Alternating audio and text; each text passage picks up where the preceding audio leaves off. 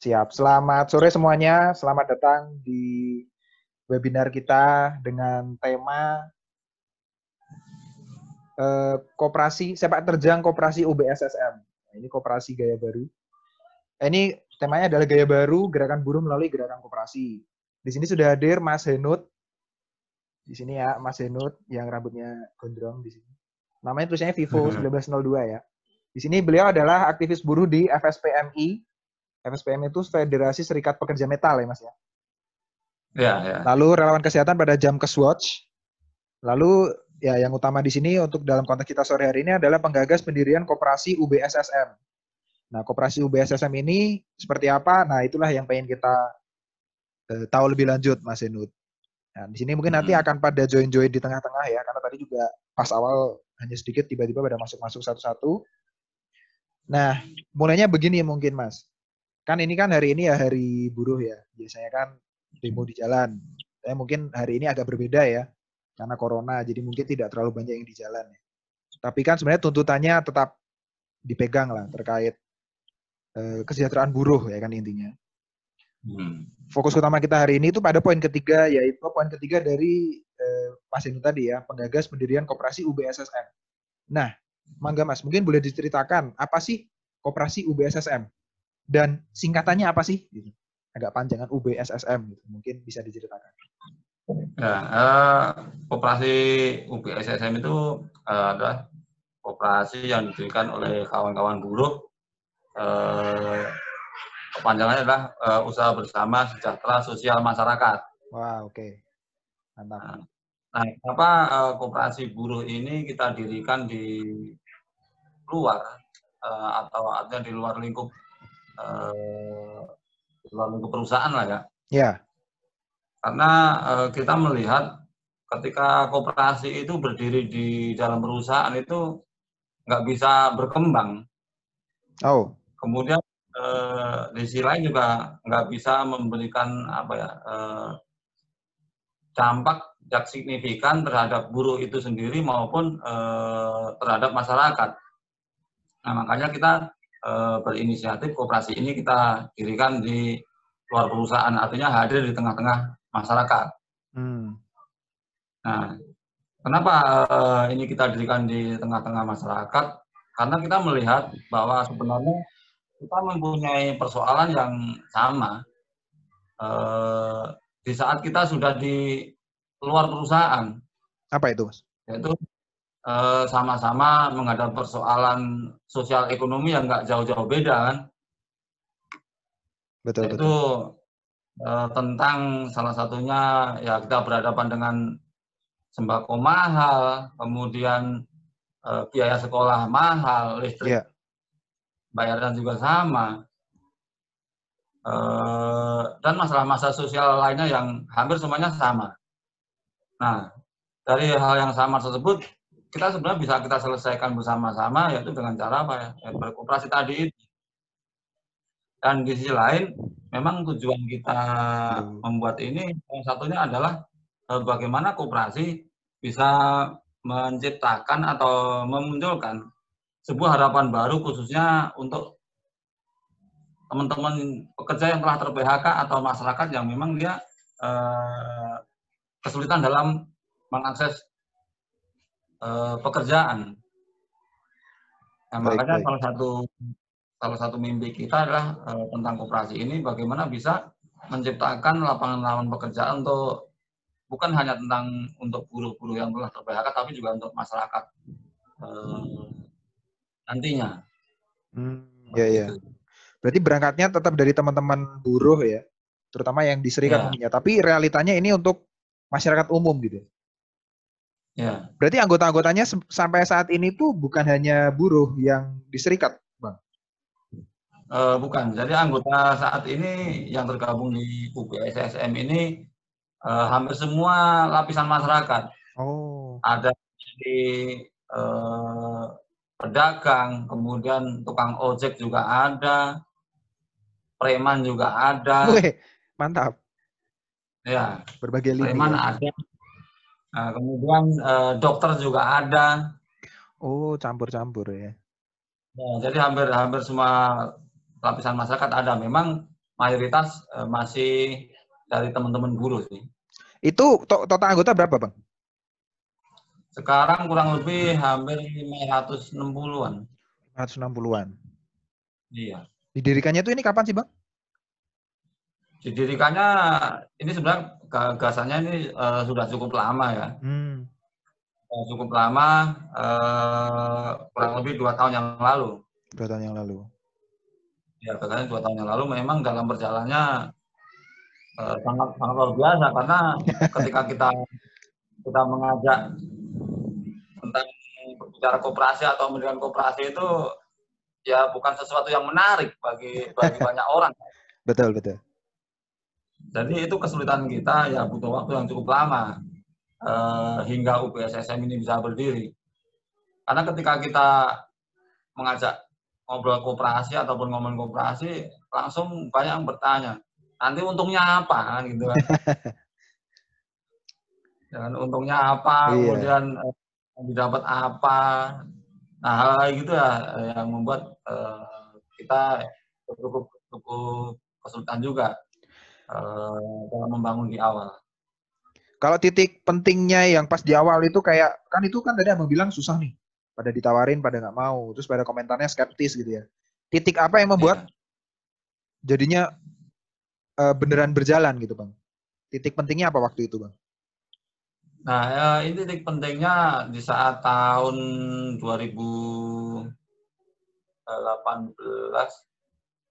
ya 2018 itu banyak gelombang PHK juga. Oh, 2018. Ya, banyak gelombang PHK.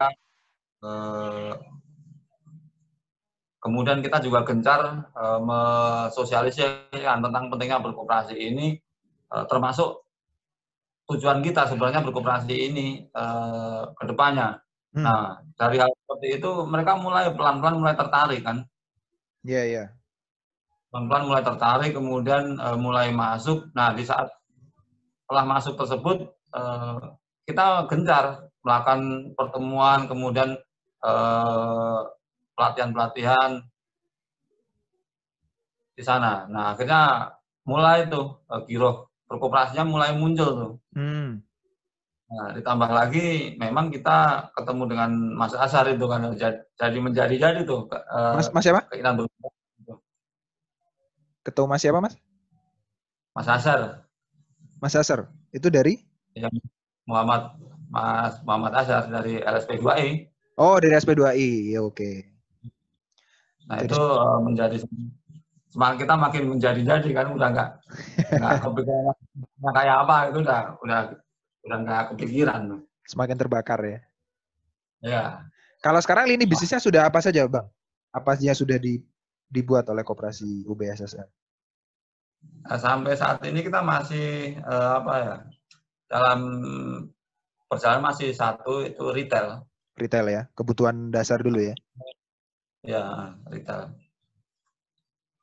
Itu tuh ada ya, itu kisahnya gimana Bang? Pas apa untuk retail yang pertama dibangun sama UBSSM kayak eh, seperti apa prosesnya terus kenapa pertama retail dulu itu bagaimana, Bang? Hmm. Nah, memang uh, retail ini menjadi hal yang kita bangun di awal. Karena pada dasarnya kita me mempunyai sesuatu kebutuhan yang sama. Hmm. Yaitu apa? Sama-sama saling memenuhi kebutuhan kita masing-masing kan. Nah, di saat kita saling memenuhi kebutuhan masing-masing, kita masih ngacak ke mana-mana untuk mencari kebutuhan kita kan. Iya. Yeah. Nah, mengacak ke mana-mana. Nah, dengan kondisi itu kan sebenarnya eh, kita berpikir kenapa sih nggak kita membuat toko sendiri kan seperti itu. Iya. Yeah.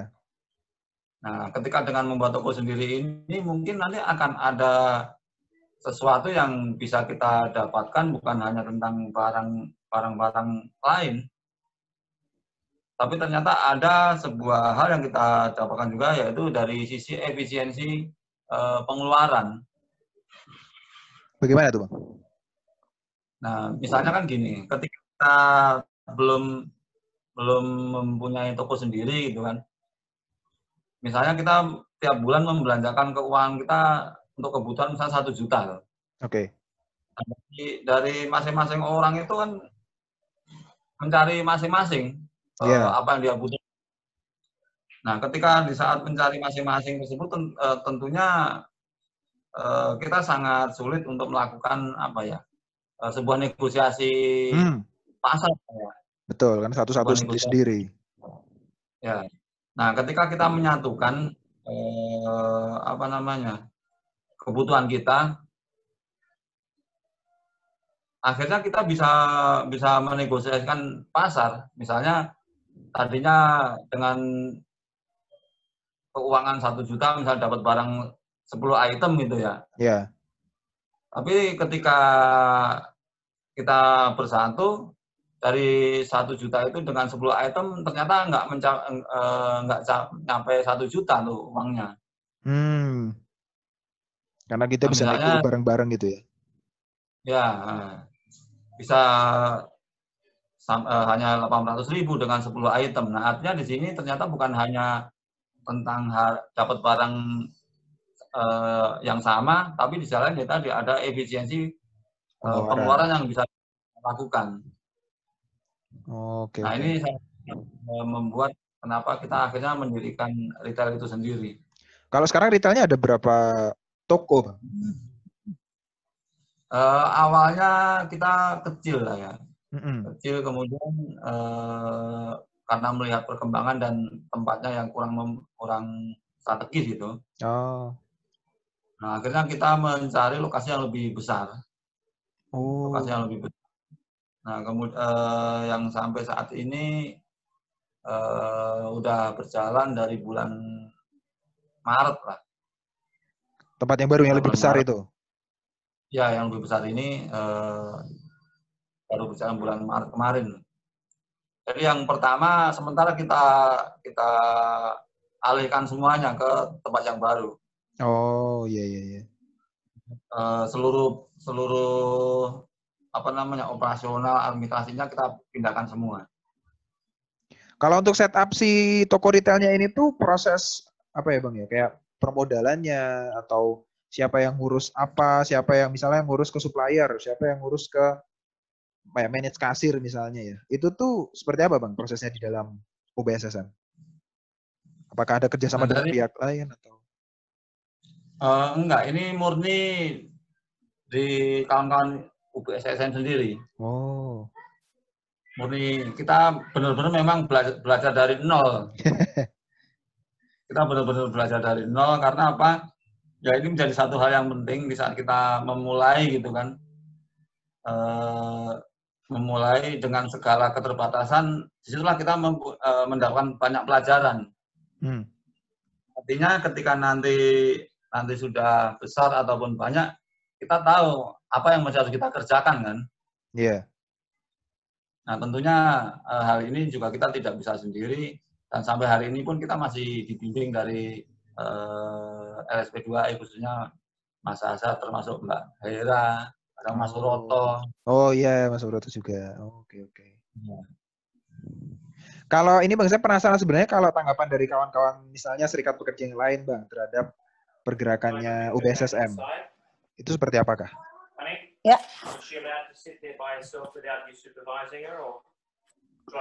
Door? Monggo Mas Henut. Ya, uh, untuk pergerakan dari eh, teman-teman serikat maupun koperasi yang lain sampai saat ini masih masih melihat dan memantau. Oh, masih melihat dan memantau ya? Ya, masih melihat dan memantau. Tapi memang sudah mulai ada beberapa kooperasi yang mulai menjalin kerjasama. Oh, seperti apa tuh bang contohnya? Uh, salah satunya adalah UBSSM mulai menyuplai kebutuhan kooperasi yang ada di perusahaan-perusahaan. Oh, justru nyuplai yang kooperasi-kooperasi ini nyebutnya biasanya kooperasi karyawan ya biasanya. Iya, iya, iya. Ah. Ini udah udah ada beberapa yang uh, kita suplai ke sana dan anggota yang ada di sana pun udah mulai masuk menjadi anggota kita juga. Jadi pada join UBSSM juga ya? Ya, ya. Oke. Bentar, sorry biasa ibu rumah tangga jam segini repot. Ya, udah mau siap-siap ini ya buka. Mm-mm, udah udah udah selesai, tinggal Oke. nunggu. Siap. Udah matang tuh, Mbak. Oh, udah mateng lah. Udah matang ya. Ah, Lagian webinar jam setengah lima, udah. Ya kan memang mepet itu, Mbak. Makanya kita rekam buat teman-teman yang lain yang tidak memungkinkan buat join. Ada beberapa yang udah request. Oke. Oke, kita lanjut dulu ya. Eh, terus Oke. ini Bang, saya tuh sebenarnya suka banget dengan slogannya U- UBSSM yaitu Worker is Owner. Itu ada kisahnya tersendiri nggak Bang? Atau sebenarnya muncul itu sebagai slogan utamanya kayak gimana? Dan apa yang dimaksud dengan Worker is Owner dari sudut pandang Bang Henut? Nah, eh, tentang slogan worker is owner ini memang eh, menjadi apa ya? Kalau saya bilang menjadi penyemangat kita atau ikon kita. kan. Icon dia. Ya, kenapa eh, ini kita ambil? Karena berangkat dari banyaknya kawan-kawan kita atau melihat teman-teman yang hampir setiap hari kita selalu melihat eh, berita-berita PHK. Hmm. Dan ini PHK ini hampir setiap saat terjadi menimpa kawan-kawan khususnya di serikat pekerja ya. Iya. Nah ini yang membuat eh, kenapa slogan ini kita kita ambil dengan har- dengan harapan bahwa ketika kita bekerja di perusahaan sendiri nggak akan pernah ada yang bisa mem-PHK kita kecuali kita sendiri kan. Iya, betul. Nah, inilah yang membuat eh, slogan itu kita menjadikan ikon kita di UBSSM. Oke, triggernya dari situ ya. Harapannya punya perusahaan-perusahaan sendiri. Sebenarnya kalau yang UBSSM bayangkan, Bang, kan ini kan sekarang di retail ya. Berarti nanti perusahaan-perusahaan apa aja kah yang yang sekiranya sudah tervisikan gitu? Eh, yang saat ini sudah ada gambaran itu kita mem- pengen membuat air minum sebenarnya perusahaan air minum kan. Oh, air minum. Iya. Seperti air minum dalam kemasan gitu, Bang, kayak aqua dan semacamnya. Iya. Kenapa itu, Bang? Kenapa muncul itu? Karena konsumsi air minum ini hampir semua kawan-kawan buruh ini mengkonsumsi. Oh iya, iya, ha. Yang mengkonsumsi baik di rumah maupun di perusahaan kan. Iya, di kantor juga, betul. Iya, nah artinya eh, ini menjadi sebuah peluang yang sebenarnya bisa bisa diambil oleh teman-teman buruh itu sendiri. Iya. Nah, makanya kita eh, telah mendaftarkan hak paten kita sebenarnya Oh, udah bikin. untuk merek. Iya, udah bikin merek air minum. Apa tuh, Bang? Namanya namanya Walker Water Mineral. Worker water mineral. Mantap. Iya. Oke, oke. Air minum dalam kemasan bener ya, karena ya kita tiap hari baik yang galon maupun yang gelas gitu ya bang ya. Iya.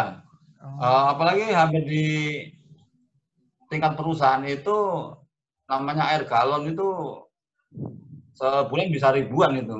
oh iya iya betul.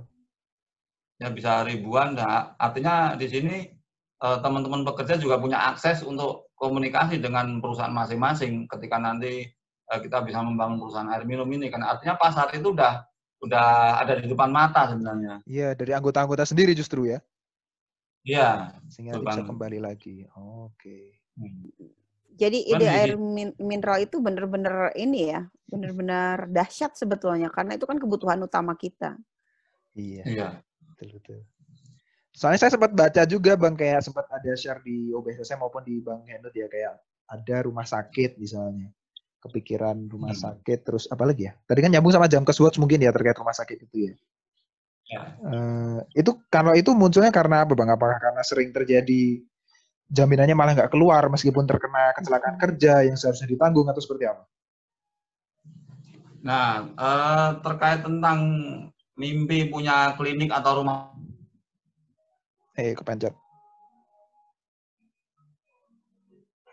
Iya bang. Iya.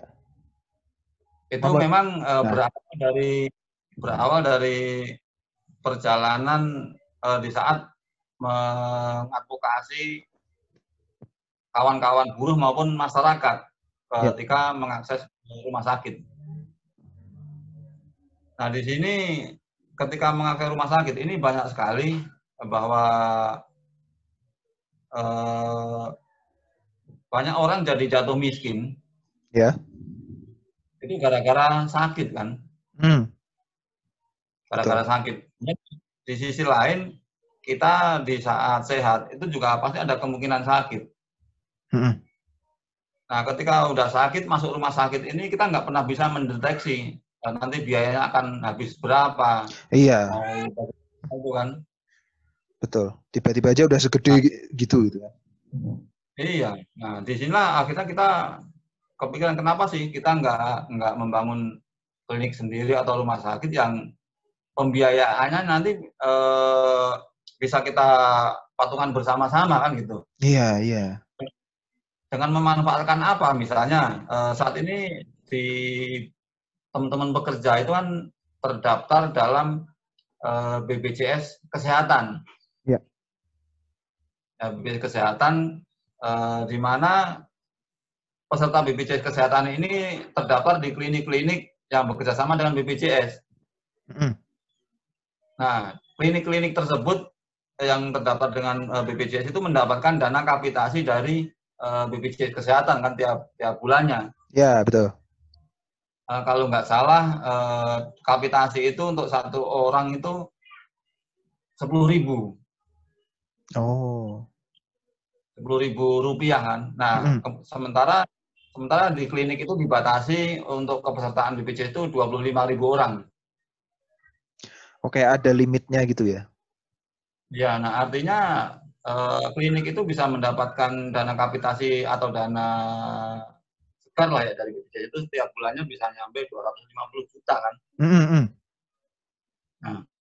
Kemudian dari 25 ribu orang itu tiap bulan kita bisa berhitung yang sakit paling banter berapa kan gitu. Iya, iya. Oh. Nah, Yang BPJS sakit itu. paling banter berapa. Ya kan. Nggak, nggak, belum tentu dari 25 ribu orang itu sakit semua dalam sebulan kan. Iya. Nah itu eh, sementara buruh itu dia mempunyai mempunyai jaminan double biasanya.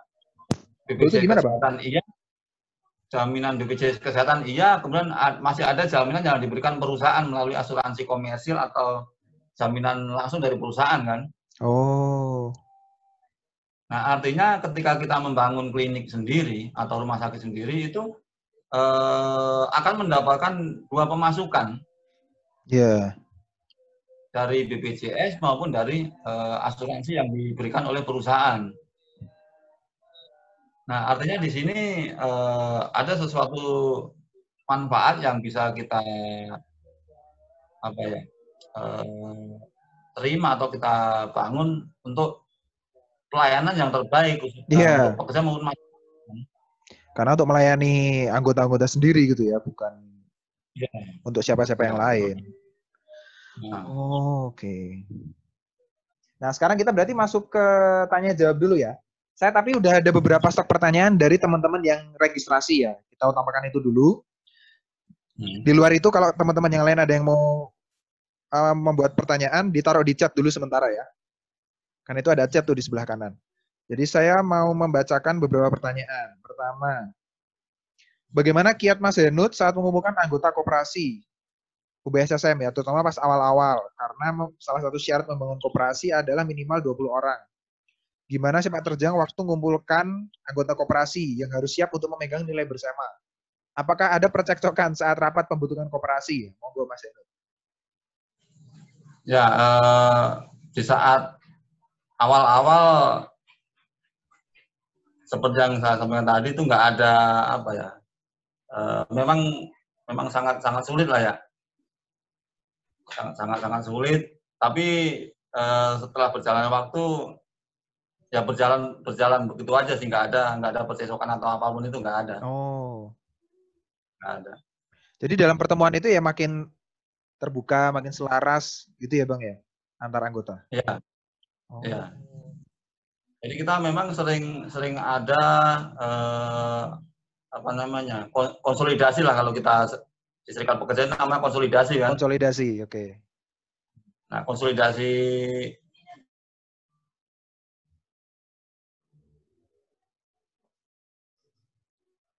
Halo.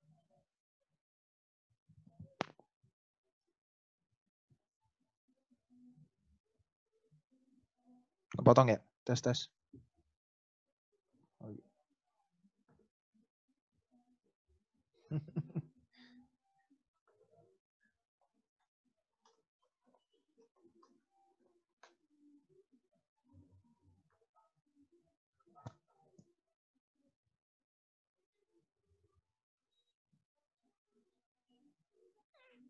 Halo Mas Enut.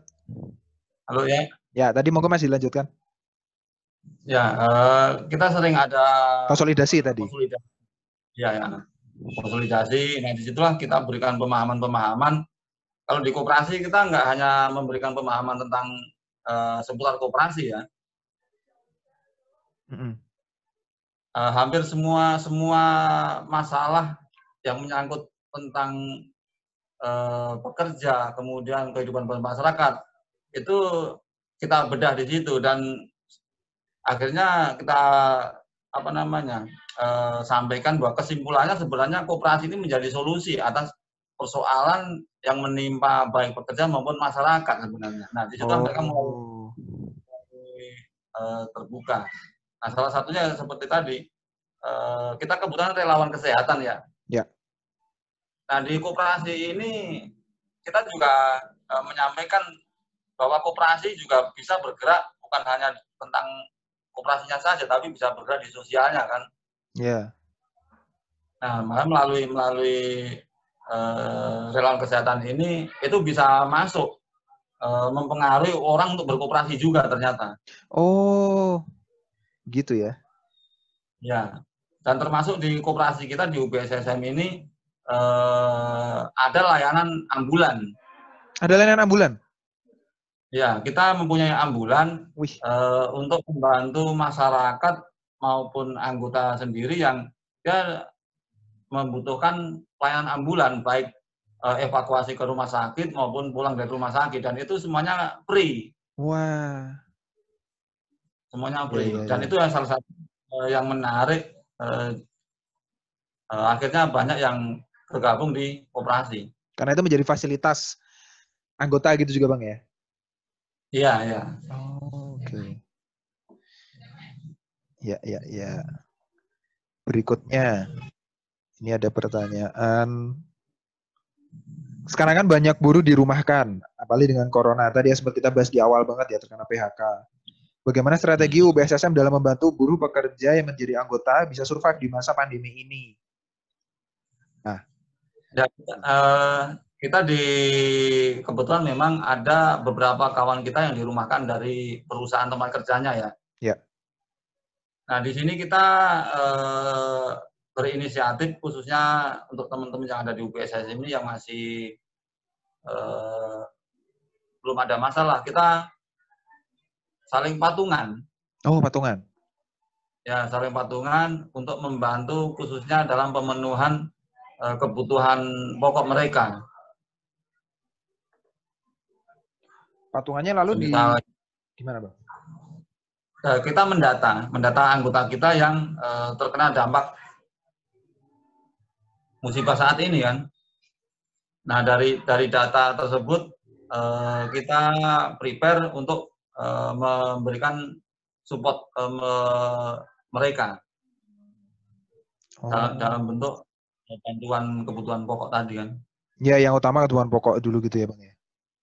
Nah, Gotong royong itu yang ya. kita, ya gotong royong itu yang memang kita eh, hidupkan lah di koperasi itu kan. Hmm. Vital banget sih itu.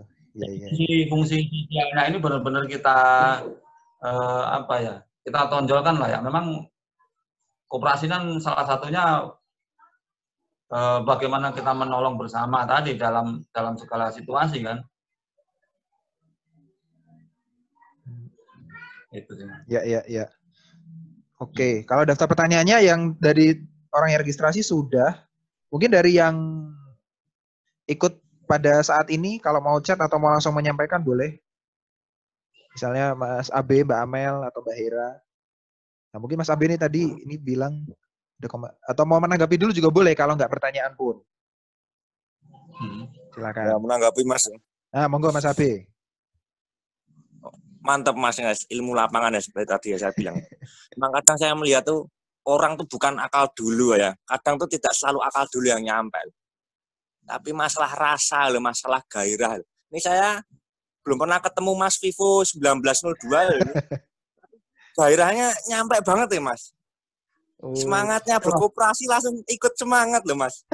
Mantap saya kalau secara mendetail masalah kooperasi juga nggak begitu paham ya tapi ikut kerasa loh dari masa buruhnya penyampaiannya tuh nggak menggebu-gebu dan nggak pelan loh enak mas.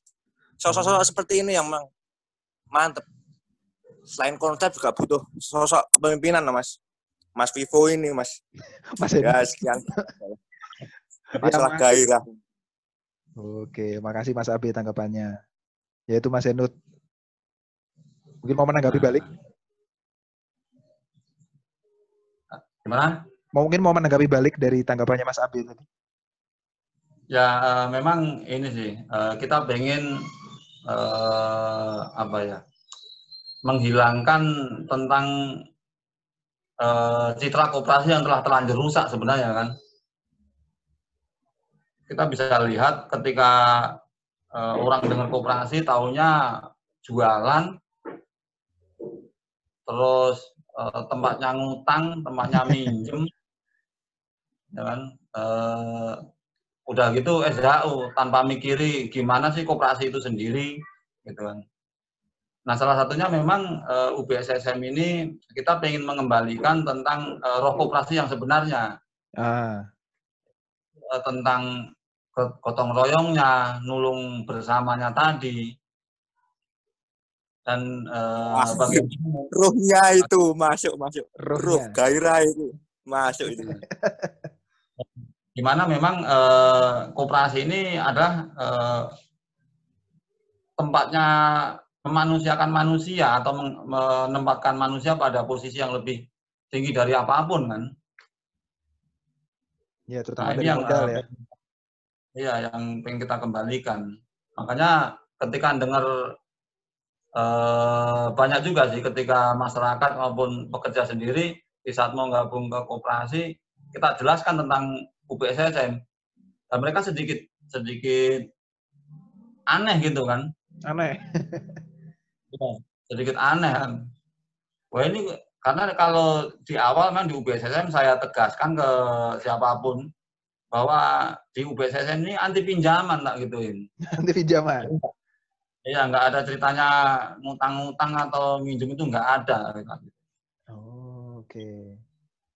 Nah ini yang eh, apa ya, yang ingin kita kembalikan di UBSM salah satunya misi kita ingin mengembalikan roh koperasi itu sendiri ke eh, realnya. Gitu. Iya, iya, iya. Ruhnya tadi, kalau katanya Mas Abi itu gairahnya ya, utamanya itu udah dapet dari Mas Henut. Memanusiakan manusia, ya benar ya. Jadi sebenarnya tertarik yang dibilang sama Mas tadi sih bahwa pas konsolidasi itu sebenarnya bukan cuma koperasi-koperasi koperasi, tapi koperasi itu tuh hadir tuh bu, eh, sebagai solusi. Jadi mulai pembicaraannya tuh dari masalah bersama, kebutuhan bersama, situasi ada yang kena PHK, ada yang kena ini itu. Solusi itu muncul dalam bentuk koperasi, bukan ngomongin koperasi hanya karena koperasinya saja gitu. Itu- Ya. Karena itu memang bentuk penyelesaian masalah bersama. Ya. Mungkin ada lagi yang lain mau menanyakan atau menanggapi? Boleh. Pokoknya mantep lah Mas Enut. Harus Nah, ini diangkat jadi tokoh buruh nasional gitu loh.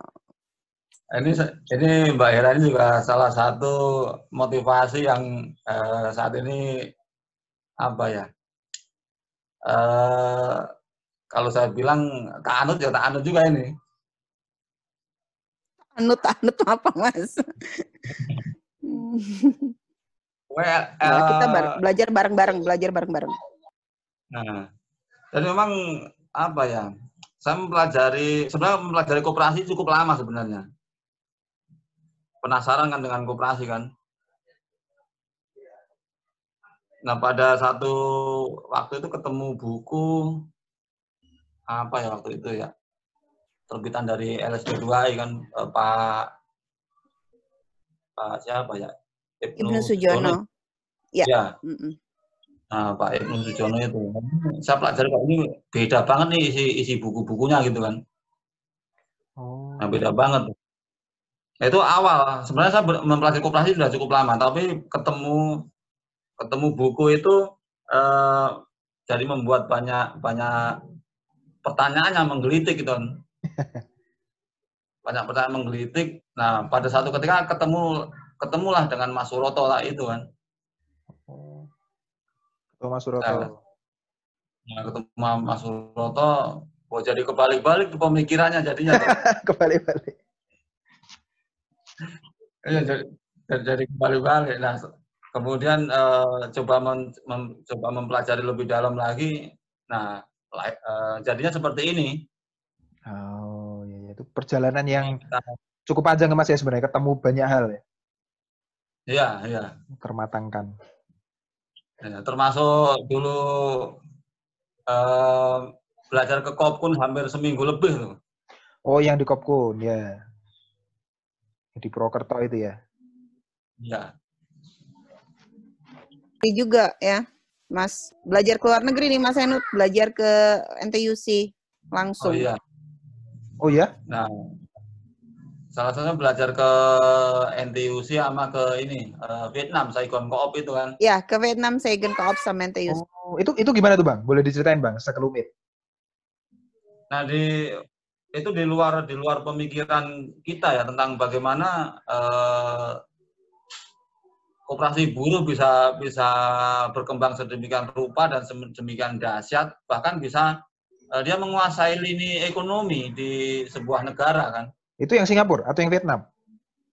yang di Vietnam Singapura. juga di Oh, yang Vietnam Singapura juga juga Hmm. ya sama Ya, Oh. bahkan dari dari eh, hulu sampai hilir itu hampir koperasi yang menguasai Oke, mereka oke. mempunyai eh, minimarket, restoran, supermarket, eh, kemudian hotel, hub. Ya, ya. Hampir semuanya mereka miliki. Jadi sebenarnya bisa ya. Iya, sangat sangat sangat sangat sangat bisa, bukan bukan bukan sebuah eh, angan-angan lagi kan ternyata Iya. kan. Sudah ada contoh realnya di luar. Ya, itu sangat sangat sangat luar biasa. Apalagi Vietnam. Vietnam itu eh, negara yang justru baru merdeka baru kemarin dibandingkan Indonesia kan. Hmm. Ya, Kan dulu kalau dibilang nah, Indonesia itu banyak koperasi kan, tapi malah eh, belum belum terlihat eh, semaju seperti yang ada di mereka, malah yang negaranya negara baru kemarin, tapi sangat luar biasa tuh. koperasi. ke mana kebalik ya. Iya. Kitanya yang telah. menjadi- Iya, kitanya kitanya telat banget itu. Jadi, jadi yang membuat apa ya? Jadi penasaran apa sih yang salah dengan koperasi kita sebenarnya kan? Ya, ya, ya. Halo Bintang. Halo. Eh, malah mau kabur pas masuk masuk. Eh, Nggak ikut demo hari ini Bintang. Oke, ada lagi dari Mas Abe atau Mbak Amel? Monggo, mau open mic atau mau chat juga boleh. Udah mau selesai sih ini beberapa menit lagi ya. Kalau misalnya Oh cukup, oke. Dari Mbak Amel mungkin. Kalau belum mungkin Mbak Hera ada yang mau menanggapi Mbak atau menambahkan? Ya, eh, tetap semangat aja Mas Henut. Sepertinya kita memang perlu kerja keras lagi nih mendang, eh, untuk menolong teman-teman kita yang di PHK. Nanti kita Ya, cari strategi yang lebih eh, mantap lagi. Kemarin sudah mantap, kita cari yang lebih mantap lagi untuk mereka. Mungkin begitu. Jangan pernah lelah. Insya Allah tetap semangat ini kooperasi menjadi penyemangat baru ini, gerakan buruh. Iya, oke. Penyemangat. Oh, Mas jadi penyemangat gerakan buruh ya. Iya, iya. Hmm. Boleh. Kalau gitu bisa bisa kita cukupkan dulu. Mungkin Mas Denut ada closing statement untuk acara kita sore hari ini mengenai UBSSM rencana ke depan boleh atau apa mungkin silakan untuk oleh-oleh teman-teman penutup sore hari ini. Ya, eh, kita rencana ke depan eh, dalam waktu dekat ini eh, sedang mendirikan restoran. Mau restoran malah. Ya, mulai berjalan memang saat ini terhenti karena kondisi kondisi ini kan. Ya, Pasca, pasca ini kita akan berlanjut lagi untuk melanjutkan eh, pembuatan restoran tersebut. Namun di sisi, di sisi lain kita memang eh, pengen mendirikan perusahaan-perusahaan yang buruh itu bisa membuat apa saja. Artinya buruh bisa membuat apa saja dan dia yang mengkonsumsinya juga ternyata. Nah, artinya di situ kita eh, mempunyai mimpi untuk membangun perusahaan-perusahaan eh, koperasi yang bisa tersebar di seluruh wilayah Indonesia. Oh. Ya, dengan harapan eh, bagaimana pemerataan lapangan pekerjaan membantu masyarakat maupun eh, semua wilayah eh, bisa apa ya terbantu dengan hadirnya koperasi karena memang kalau dilihat secara lebih mendalam koperasi ini menjadi solusi atas semua persoalan eh, dalam kehidupan kita eh, baik secara ekonomi maupun sosial sebenarnya. Jadi eh, saya ingin mengajak semuanya teman-teman buruh khususnya dan masyarakat, ayo kita eh, bangun koperasi ini, tapi dengan koperasi yang sebenarnya bukan bukan koperasi-koperasi mainan kan. Hmm, Koperasi mainan. Mas Enut, ini satu Mas Enut. Ya, Eh Mbak. itu restoran kan belum jalan bener ya? Karena Ya, belum. kondisi kan. Bisa Ah. nggak kalau misalnya itu jadi dapur umum eh, para pekerja? Eh, bisa bisa sih Mbak. Kita saat ini memang mempunyai dapur umum, tapi masih Hmm. kita fokuskan di eh, rumah buruh. Kita mempunyai tempat apa tempat konsolidasi buruh itu di rumah buruh di jembatan. Mhm, mhm. Nah itu Nah, itu kalau kita- misalnya restoran itu untuk itu jadi eh, apa eh, sementara memang bisa dijadikan dapur yang bukan hanya sekedar dapur Jena karena kan itu ada proper ya maksudnya ada restoran ada di mungkin itu jadi salah satu daya tarik juga nanti orang akan masuk di situ dan kemudian kalau ada donatur kalau ada apa masuk ke situ sebagai latihan aja kalau ini nanti setelah selesai dia akan jadi restoran mungkin ya ini hanya Iya. sekedar ide aja Ya, ini masukan yang eh, sangat luar biasa nih Mbak Ira. Nanti coba tak diskusi sama teman-teman. Memang coba eh, eh, karena kebetulan memang peralatan peralatannya juga belum ada sih peralatan peralatannya. oh belum ada Belum. kirain Ya. kemarin sudah siap mau buka Wah, Belum, masih panjang itu. tapi baik bisa lah. bisa, bisa. apa sih yang nggak bisa Siap. Iya. Terima kasih banyak, Mbak Hera. Mas Yunus ada lagi, Mas? Eh, mungkin sementara eh, itu dulu. ya. Baik. Kalau begitu, terima kasih sekali, terutama untuk Mas Denut atas waktunya, kesediaannya menceritakan ya sejarahnya maupun apa yang akan dilakukan ke depan dari UBSSM. Semangat terus buat UBSSM. Ini ya, Ya. maksudnya eh, ke- kan Indonesia kekurangan contoh koperasi yang kalau meminjam katanya Mas bagus ya koperasi yang bagus dan beneran gitu. Hmm. Bukan Hmm. yang abal-abal. Jadi perlu ya dijaga bukan terus bagus di- tapi dibikin bagus gitu ya dibikin bagus, disupport semangatnya.